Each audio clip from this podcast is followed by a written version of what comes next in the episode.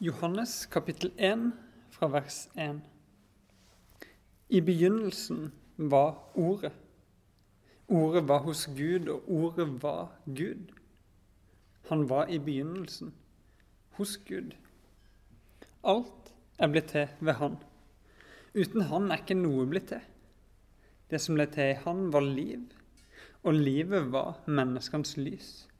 Lyset skinner i mørket, og mørket har ikke overvunnet det. Et menneske sto fram, utsendt av Gud. Navnet hans var Johannes. Han kom for å vitne. Han skulle vitne om lyset, så alle skulle komme til tro ved han. Sjøl var han ikke lyset, men han skulle vitne om lyset. Det sanne lys som lyser for hvert menneske, kom nå til verden. Han var i verden, og verden er blitt til ved han. Men verden kjente han ikke. Han kom til sitt eget, og hans egne tok ikke imot han. Men alle som tok imot ham, de ga han rett til å bli Guds barn. De som tror på hans navn. De er ikke født av kjøtt og blod, ikke av menneskers vilje og ikke av manns vilje, men av Gud. Og ordet blei menneske og tok bolig iblant oss, og vi så hans herlighet. En herlighet som den enbårne sønn har for sin far, full av nåde og sannhet. Johannes vitner om han og roper ut. Det var om han jeg sa. Han som kommer etter meg, er kommet før meg. For han var til før meg. Av hans fylde har vi alle fått. Nåde over nåde. For loven ble gitt ved Moses. Nåden og sannheten kom ved Jesus Kristus. Ingen har noen gang sett Gud, men den enbårne, som er Gud, og som er i fars favn, han har vist oss hvem han er. Vi fikk dessverre ikke noe opptak av de første fem minuttene av undervisninga på søndag, så derfor leser jeg nå dette inn på nytt. Eh, og så setter vi over til opptaket etter noen minutter. Jeg er sånn passe glad i telt. Og utdrikningslaget mitt starta med telt. Kjetil var forloveren min. Han dukka opp på døra og ba meg ta på noe varmt. Så kjørte han meg til et lite vann ved et boligområde. Midt i det lille vannet så lå det en øy, og ved vannkanten lå en båt.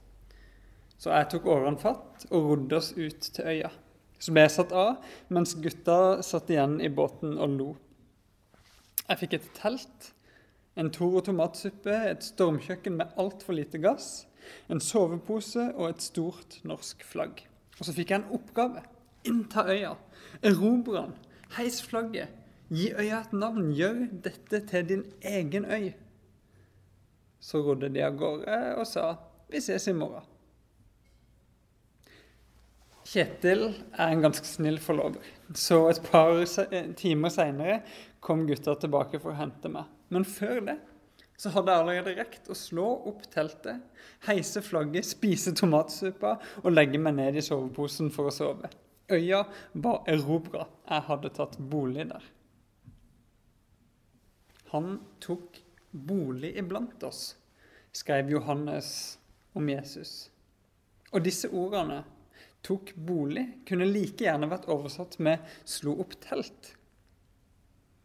For de første jødiske leserne av Johannes evangeliet så var dette en referanse til en historie de kjente veldig godt. Jeg har nå fortalt min lille telthistorie, og resten av denne undervisninga skal handle om Guds store telthistorie. Historien om åssen Gud har tatt bolig iblant oss mennesker gjennom historien. Åssen han fortsatt gjør det i dag. Og så har jeg lyst til å nevne det at I forberedelsen til denne undervisninga har jeg fått god hjelp av praksisstudenten vår Marianne. Så en shout-out til deg hvis du hører hjemme på podkast. Jeg skal altså gi dere en fortelling i fem deler, der vi ser at Gud flytter inn. Først i et telt, så i et hus, og så skal vi se at huset brenner. At alt blir mørkt og håpløst men at lyset skinner i mørket, og at mørket ikke har overvunnet det. For Gud flytter inn i en kropp. Og til slutt skal vi se at Gud flytter inn i oss, vi som tror på Hans navn. Og med det setter jeg over til søndagens opptak. Se at huset brenner, at alt blir mørkt og håpløst, men at lyset skinner i mørket, og mørket ikke har overvunnet det. For Gud, han flytter inn i en kropp. Og til slutt skal vi se at Gud til og med flytter inn i oss, vi som tror på hans navn. Så det blir rett og slett en del bibelfortelling i dag. Og underveis så har jeg lyst til å be deg om å tenke gjennom hva denne bibelfortellinga, denne bibelhistorien, kan bety for ditt liv. Hva betyr det når Gud vil ta bolig i deg? Ønsker du han velkommen hjem? Eller ser du på han som en inntrenger som vil forstyrre? Lengter du etter hans nærvær? Eller frykter du nærværet? Setter du opp sperrer, eller er du klar som bare det til å ta imot? Jeg ber en bønn før vi går videre. Gud, takk for ditt nærvær. Takk for at du er en som har lyst til å komme helt tett inntil oss. Du som har skapt oss, som elsker oss, som ser oss og vil frelse oss og styrke oss og gi oss mot og håp. Jeg ber om at gjennom de ordene jeg skal dele i dag, og ordene fra Bibelen som jeg skal hente fram, at, at du må røre ved oss der vi trenger det. Takk, Hellige Ånd, for at du bor i oss og virker i oss. Amen. Da kjører vi på. Del én Gud flytter inn i et telt. Vi skal til andre Mosebok. Israelsfolket er på flukt i ødemarka. Med Guds hjelp så har de flykta fra slaveri under imperiet Egypt. Gud hadde hørt de rope om hjelp, og han redda de, han frelste de. Nå skulle de få lov til å være hans folk, og han skulle være deres Gud. Han skulle bo midt iblant dem. Og han inviterte dem til et stort fjell der ute i ørkenen. Og plutselig, som en ild, som en storm, som en sky, kom Gud og dekka over fjellet med bulder og brak og lys og flammer. Det sanne lys som lyser for hvert menneske, kom nå til verden. Folk ble livredde. Lyset var så sterkt, nærværet var så heftig. Vi tør ikke komme nærmere, sa de. Så Gud spurte om ikke Moses kunne gå opp på fjellet på vegne av folket som, som en mellommann, sånn at de andre fikk muligheten til å holde seg litt på avstand, sånn som de følte at de trengte. Og Moses sa ja. Han kom opp, og der oppe tok han imot Guds veiledning for hva det vil si å være Guds folk. Loven ble gitt ved Moses, hørte vi fra Johannes evangeliet i stad. Og loven den var en god ting. Loven skulle forme disse menneskene som en ny nasjon. Loven skulle hjelpe de å leve et liv som viste resten av verden hvem Gud var. De var ikke lyset, men de skulle vitne om lyset, som Johannes kanskje ville beskrevet det. De var utvalgt for å vitne. De var utvalgt ikke fordi de var spesielt gode og kloke og flinke og mange. Nei, på slutten av den vandringa Moses og israelittene hadde i ørkenen, så sier Gud til folket gjennom Moses Når Herren har godhet for dere og valgte dere ut, var det ikke fordi dere var større enn alle andre folk, for dere er jo det minste av alle folkene. Men Gud elska disse menneskene han ville bo blant dem. Og gjennom disse, denne lille flokken så ville han vise verden hvem han var. På fjellet der så tok Moses imot loven. Men der oppe så fikk han også en annen veiledning, nemlig skissene til et ganske stort og vakkert telt. En bolig for Gud. I dette teltet så kunne folk komme for å søke Guds nærvær. Her kunne de finne gode råd for livet sitt. Her kunne de tilbe Gud, sånn som vi har lovsynget sammen nå i stad. Her kunne de komme og få tilgivelse og nåde. Det er akkurat som om Gud begrensa seg litt. og sa at nei, nå skal jeg bo i et telt for dere, sånn at det er et sted der dere kan komme nær. Så israelittene de bygde teltet. De slo det opp, og så ser vi at Gud flytter inn. Gud kommer til dem. Han kommer med bulder og brak, akkurat som på fjellet. Og det står at skyen, altså skyen som Gud kom gjennom, den dekka telthelligdommen. Og Herrens herlighet fylte boligen. Og så står det at hver gang skyen løfta seg fra boligen, så brøt israelittene opp, og så dro de videre på sine vandringer gjennom ørkenen. Gud gikk sammen med dem. Gud gikk foran dem. En flokk med nomader. En ganske rotløs gjeng, frigitte slaver som var på flukt, og som var på vei til et bedre hjem. Gud var iblant dem, og de skulle komme til et bedre hjem, til Kanans land, til sitt eget land. Og der skulle de finne Jerusalem, fredens by. Når de står der på terskelen til å gå inn i dette landet, så får Moses et nytt budskap til folket fra Gud. Og Han holder en lang tale, og den kan du basically lese i 5. Mosebok. Kort fortalt så sier Gud der Husk nå at jeg har frelst dere fra slaveriet. Husk nå at jeg vil bo midt iblant dere. Og husk den veiledninga dere fikk på fjellet, den loven som dere skal leve etter. Og Gjennom det Moses sier gjennom den talen, så kan vi lese det her som Gud sier til dem. Se, i dag har jeg lagt fram for deg livet og det gode, og døden og det onde. Gjør du som jeg pålegger deg i dag, så du elsker Herren din Gud og går på hans veier og holder hans bud, forskrifter og dommer, da skal du leve og bli tallrik. Herren din Gud skal velsigne deg i landet du går inn i og legger under deg. Men om du i ditt hjerte vender deg bort og ikke er lydig, men lar deg rive med, sånn at du bøyer deg og tilber andre guder og dyrker de, da kunngjør jeg dere i dag at dere skal gå fullstendig til grunne. Så velg da livet, sier Gud. Og så går folket inn i det nye landet sitt. Livet de fikk der inne, ble en ganske lang og brokete historie for dem. De historiene vi kan finne i Gammeltestamentet, ligner mye mer på Game of Thrones enn på en barnebok. Du kan ikke lete etter glansbilder i Bibelen.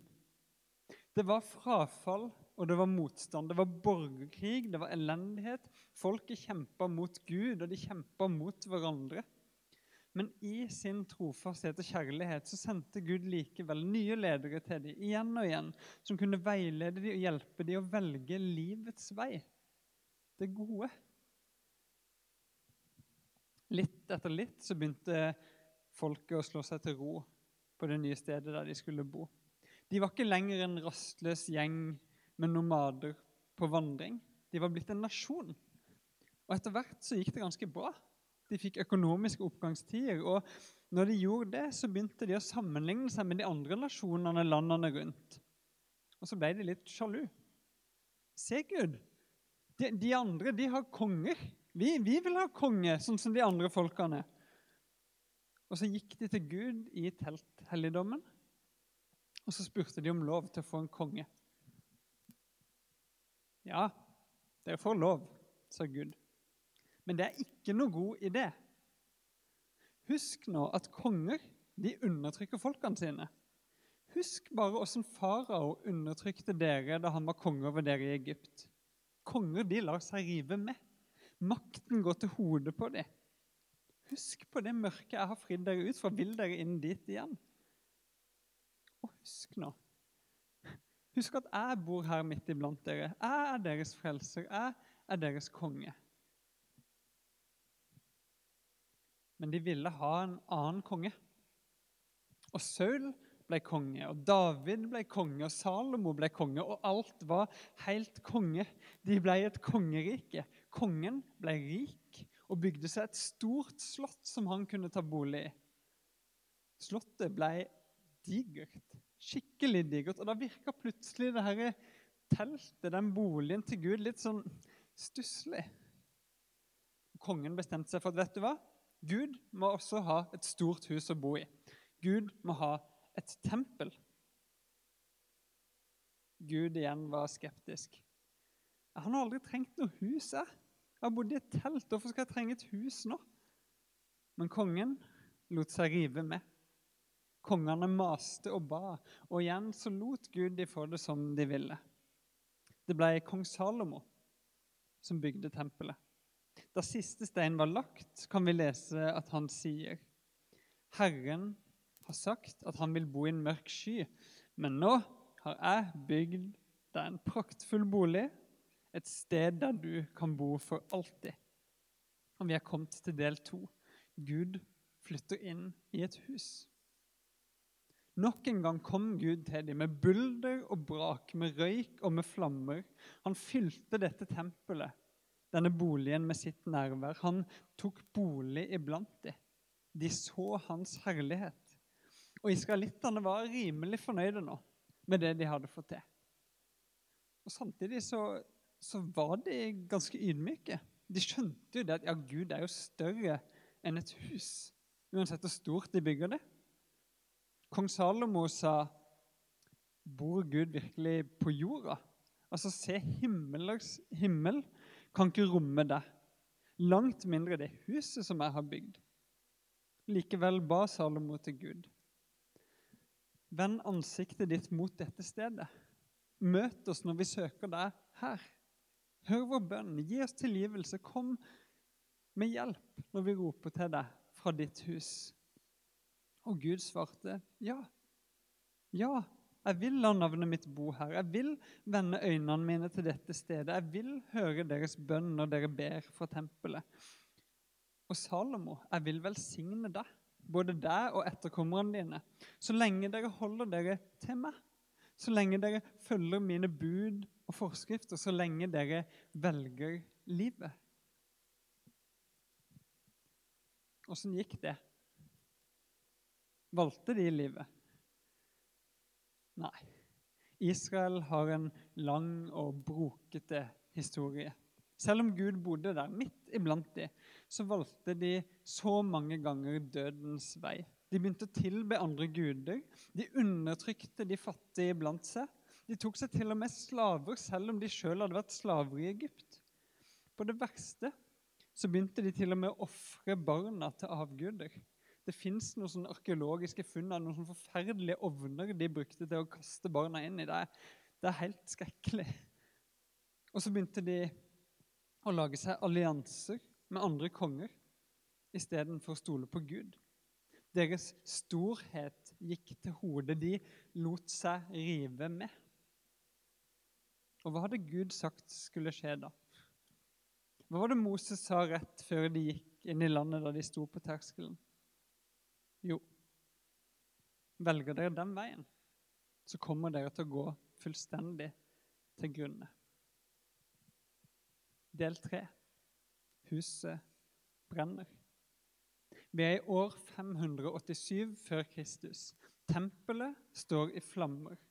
Jerusalem, Guds by, er lagt i ruiner. Her hadde Gud sagt at han ville bo for alltid, midt iblant sitt folk. Men folket de hadde valgt dødens vei så lenge, så mange ganger, at nå var det ingen vei tilbake. Det måtte ende i en katastrofe. Folk mista hjemmene sine. De så mennesker de var glad i, bli drept. De alliansene de prøvde med andre konger, hadde ikke funka. Nå hadde Babylon, det store imperiet på den tida, kommet og knust byen de sin. De ble ført bort i fangenskap til Babylon. Det er akkurat som om de var tilbake i Egypt, der de starta. Gud lot konsekvensen av valgene de gjorde, ramme dem. De valgte døden, og da fikk de døden. Altså, hva gjør en sånn her hendelse med et folk. Tenk om det var Oslo som nå sto i flammer. Slottet brant. Stortinget lå i ruiner. Mange av oss her inne drept, resten på noen busslaster til hvem enn det var fienden var som angrep oss, for å bo der i fangenskap. Hva nå, Guds folk? Det her er jo helt krise. Da jeg studerte teologi, så forklarte professoren vår Torleif Elgvin oss at tempelets fall, denne historiske hendelsen, det er det største vannskillet i Det gamle testamentet, i jødenes bibel, israelittenes bibel. Skillet mellom det som er skrevet før og etter tempelets fall, er nesten like stort som skillet mellom Det gamle og Det nye testamentet. Det er helt enormt forskjellig. Teologien til de bibelforfatterne måtte bli annerledes. Det begynte med at de så hele erfaringa av det å være menneske i lys av å havne i eksil. De så tilbake til de første tider, til begynnelsen hos Gud, da alt ble til. De så til fortellinga om Adam og Eva og så at Gud hadde bodd midt iblant dem, gått sammen med de i hagen, den vakre, gode hagen. Og midt i denne hagen sto det et par trær. Et valg mellom døden og livet. Spis fra det ene treet, så skal dere leve. Spis fra det andre treet, så skal dere dø. Og de så den der merkelige slangen som kom og snakka, som frista menneskene, som sådde tvil i om Gud ville de vel som næra opp mistanker om at Gud hadde dårlige hensikter. At han var en inntrenger som hadde lyst til å nekte menneskene det gode. De så åssen Adam og Eva lot seg rive med. Åssen de stolte på slangen istedenfor å stole på Gud. De spiste av treet. De valgte døden. Og konsekvensen ble at de ble kasta ut i hagen. De havna i eksil. Mange syns en sånn her historie fra Bibelen om snakkende slanger og to mennesker og hele pakka er så absurd at de ikke gidder å forholde seg til det engang. Men da går de glipp av en dyp eksistensiell sannhet som fins i denne historien. For fins det ikke sånne her trær i våre liv? Er det ikke sånn at midt i vår virkelighet så står det sånne trær, sånne valg mellom det som fører til livet, og det som fører til døden? Hver eneste dag. Og er det ikke lett å la seg rive med og velge det dårlige, velge det onde, velge det som fører til død? Og merker vi ikke konsekvensene av det i livene våre, eller konsekvensene det får for andre mennesker når vi velger det onde? Det er en jeg hørte si en gang at til enhver tid så står jeg bare sånn to, tre, fire valg unna, unna at livet mitt kan ende i en katastrofe. For israelittene så endte det i katastrofe. Og Der i eksilet så reflekterte de over de valgene de hadde tatt. Over det som hadde sendt de ut i fangenskap, mørke, eksil, fortvilelse. De var virkelig i mørket. Men lyset, det skinner i mørket. Og mørket har ikke overvunnet det, sa Johannes noen hundre år seinere. Etter hvert så kom de tilbake fra fangenskapet i Babylon. Ting begynte å se lovende ut. De begynte til og med å bygge opp et nytt tempel. Men så var det bare det at når de skulle innvie det tempelet, så, så kom det ikke noe sky. Det var ikke noe bulder og brak. Det var ikke noen synlige tegn på at Gud flytta inn og ville bo midt iblant dem. Så de venta, og de lengta. De prøvde å skjerpe seg. De prøvde å leve godt og velge livet så mye de bare klarte. Men gang etter gang så feila de, og så kom det fremmede makter og undertrykka de på ny. Persere, grekere, romere. De endte opp med å være i fangenskap i sitt eget land. Det er mørkt, det er grått, det er tomt. Et evig november. Sånn som vi noen ganger kan kjenne på i vanskelige perioder vi har i våre liv. Men hele veien i dette her så bar israelittene på et håp. Tidligere så hadde håpet vært knytta til dette tempelet, til denne byen, til den kongen som skulle bo der. Det var fysisk, det var stedbundet. Men nå, etter eksilet, så begynte teologien de å forandre seg. Etter eksilet så begynte i alle fall noen av de å ane at vi er nødt til å sette håpet vårt til noe større enn den byen og det tempelet her. Gud måtte komme ikke bare for å gjenopprette Jerusalem, men for å gjenopprette hele verden. Og De begynte å lengte etter en annerledes konge. Etter en evig konge, en frelser, en Messias. Gud holdt gnisten i dette håpet for Israel. Han sendte profeter som fortalte at Gud skal komme. Gud skal gripe inn. Gud skal igjen bo midt iblant dere. Og folket lytta, og de må vel ha spurt seg kommer han snart. Hvor blir det av bulder og brak og lys og flammer og frelse og makt? Hvor er Guds nærvær? Kommer han? Sånn som vi noen ganger spør skal ikke Gud snart gripe inn i livet mitt og fikse alt? Det vanskelige jeg står i. Da har vi kommet til del fire, til julefortellinga. Til Gud som flytter inn i en kropp. For håpet kommer.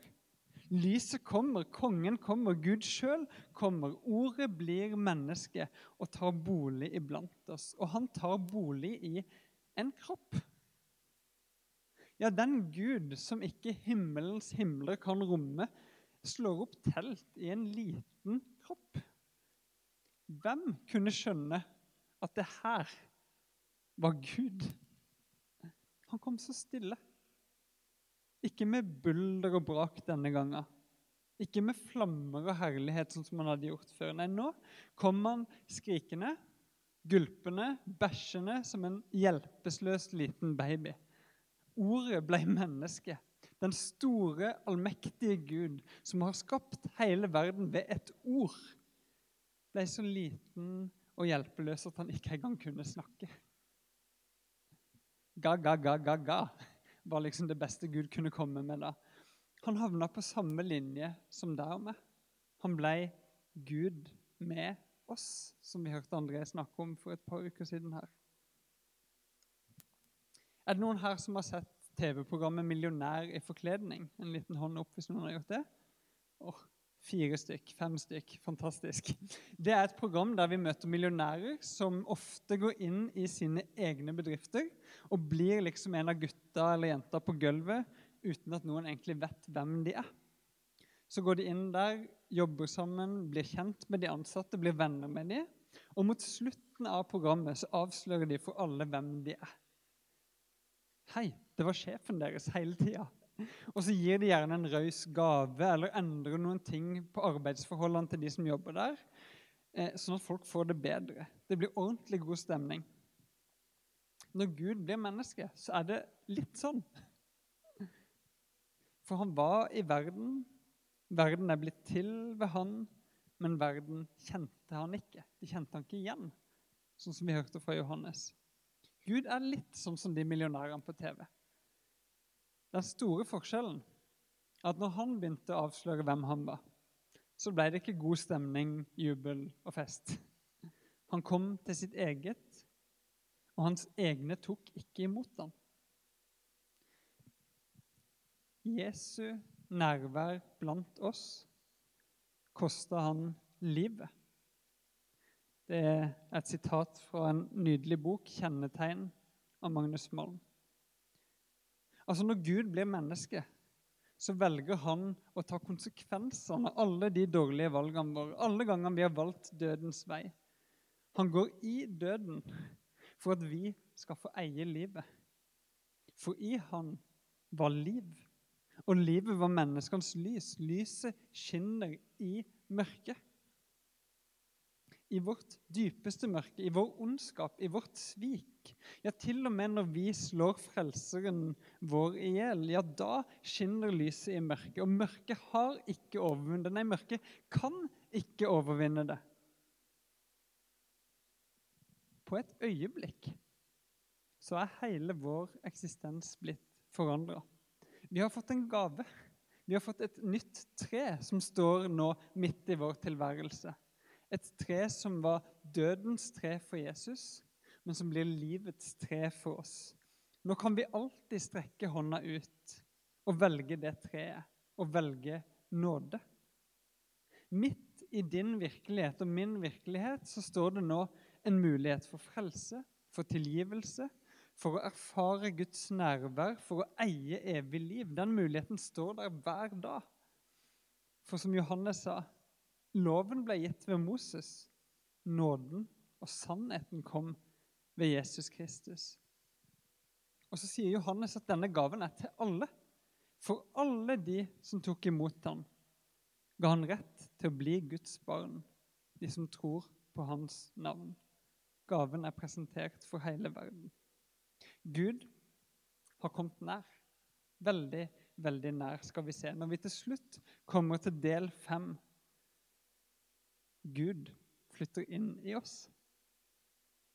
I Johannes 14 så inviterer Jesus disiplene sine til å ta imot den gaven, Guds nærvær, i de sitt liv. Han sier, 'Den som elsker meg, vil holde fast på mitt ord, og min far skal elske ham.' 'Og vi skal komme og bo hos han.' Altså, Jesus vil komme og bo i oss. Far vil komme og bo i oss. Og I Korinterbrevet så kan vi lese om hvordan Paulus sier at Den hellige ånd vil bo hos oss. Han skriver, 'Vet dere ikke at kroppen deres er et tempel?' For Den hellige ånd, som bor i dere, og som er fra Gud. Gud flytter inn. Livets Gud finner sitt hjem i oss, og vi finner vårt hjem i Han. Gud er med oss, hos oss, for oss, i oss. For av Hans fylde har vi alle fått nåde over nåde. Du er et tempel. Du er en bolig for den levende Gud. Og vet du hva, når folk møter deg, så møter de noe av Guds nærvær samtidig.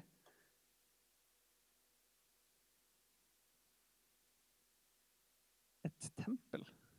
Hæ? tenker du kanskje. Jeg er god nok til å være et tempel. Kan jeg være et bolig for Gud? En bolig for Gud? Jeg sier ja.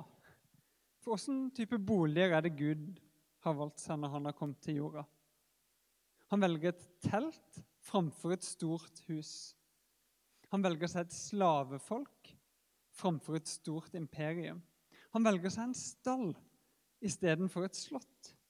Han velger til syvende og sist å komme i det helt, helt stille, som et spedbarn når han kunne kommet med bulder og brak og makt. Hvis du tror at du trenger å være god nok eller stor nok eller klok nok eller et eller annet for at Gud skal flytte inn i deg, så tar du feil. Og hvis du tror at Gud hører hjemme i det åndelige, det sakrale og hellige, det som skjer på gudstjenesten, i bibellesinga di, i de gode følelsene du får i lovsangen, så sier jeg ja, der også. Men ikke bare der. Kanskje ikke først og fremst der engang. For Gud hører hjemme. Gud tar bolig i din helt vanlige hverdag. Gud har valgt å komme til oss med gulping og skrik, med tiss og bæsj og svette føtter, med latter, med tårer. Han kom som et menneske. Og nå vil han bo i deg, du som er et menneske. Han vil være til stede i alt det som gjør deg til et menneske. Gud som tar bolig i oss. Det er litt sånn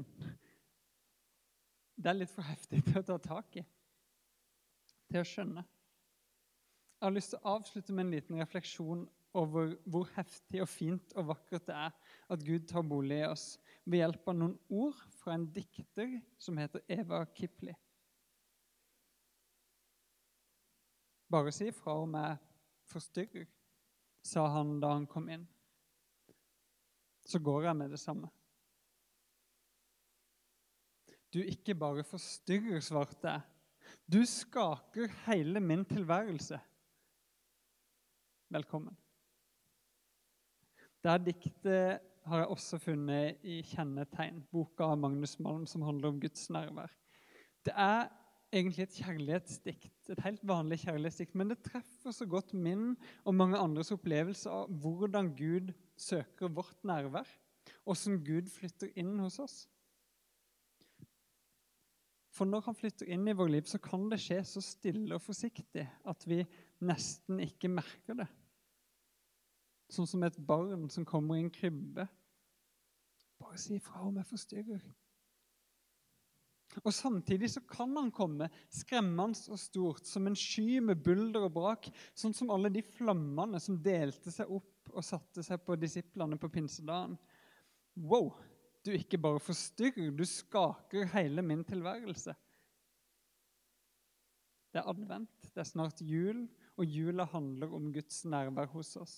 Egentlig handler hele bibelfortellinga om Guds nærvær hos oss, om lyset som kommer, om Gud sjøl som flytter inn. Det handler ikke om en idé som dukker opp, eller en filosofi vi kan mestre, men om en person som vil være sammen med oss, som vil være sammen med deg. Noen ganger så merker vi ikke engang at Gud er til stede. Men han er det. Gud er her nå. Gud er i deg hvis du har tatt imot han i tro. Noen ganger merker vi ikke. Andre ganger så er det litt for mye for oss. Vi begynner å stritte litt imot. Litt sånn som israelittene i ørkenen, når det ble litt for heftig med alle disse flammene og alt det voldsomme. Så jeg har bare lyst til å si det at Hvis vi stritter imot Guds nærvær på en eller annen måte, om det er fordi det er heftig eller noe annet, så tror jeg det henger sammen med at vi misforstår litt hvem Gud er, og hva slags intensjoner han har med våre liv.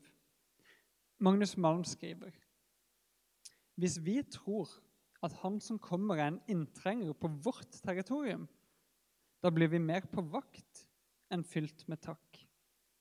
Og nærer vi dessuten mistanker om at inntrengeren har onde hensikter, da mobiliserer vi vårt forsvar og gjør alt vi kan for å stenge gjesten ute. Men Gud er ingen inntrenger. Gud har ikke dårlige intensjoner. Gud er ingen fremmed. Han er universets skaper. Og det som er skapt i ham, var liv og livet var menneskenes lys. Han er min skaper, han er din skaper. Og når Gud flytter inn i oss, som han har gjort, så flytter han hjem. Og da er det trygt å ta imot ham. For han har lyst til å lyse oss opp fra innsida med nåde og kjærlighet. Av hans fylde har vi alle fått nåde over nåde. Så jeg har lyst til å invitere dere til å bruke resten av gudstjenesten, resten av adventstida, til å åpne døra di opp for den Gud som faktisk allerede er hos deg.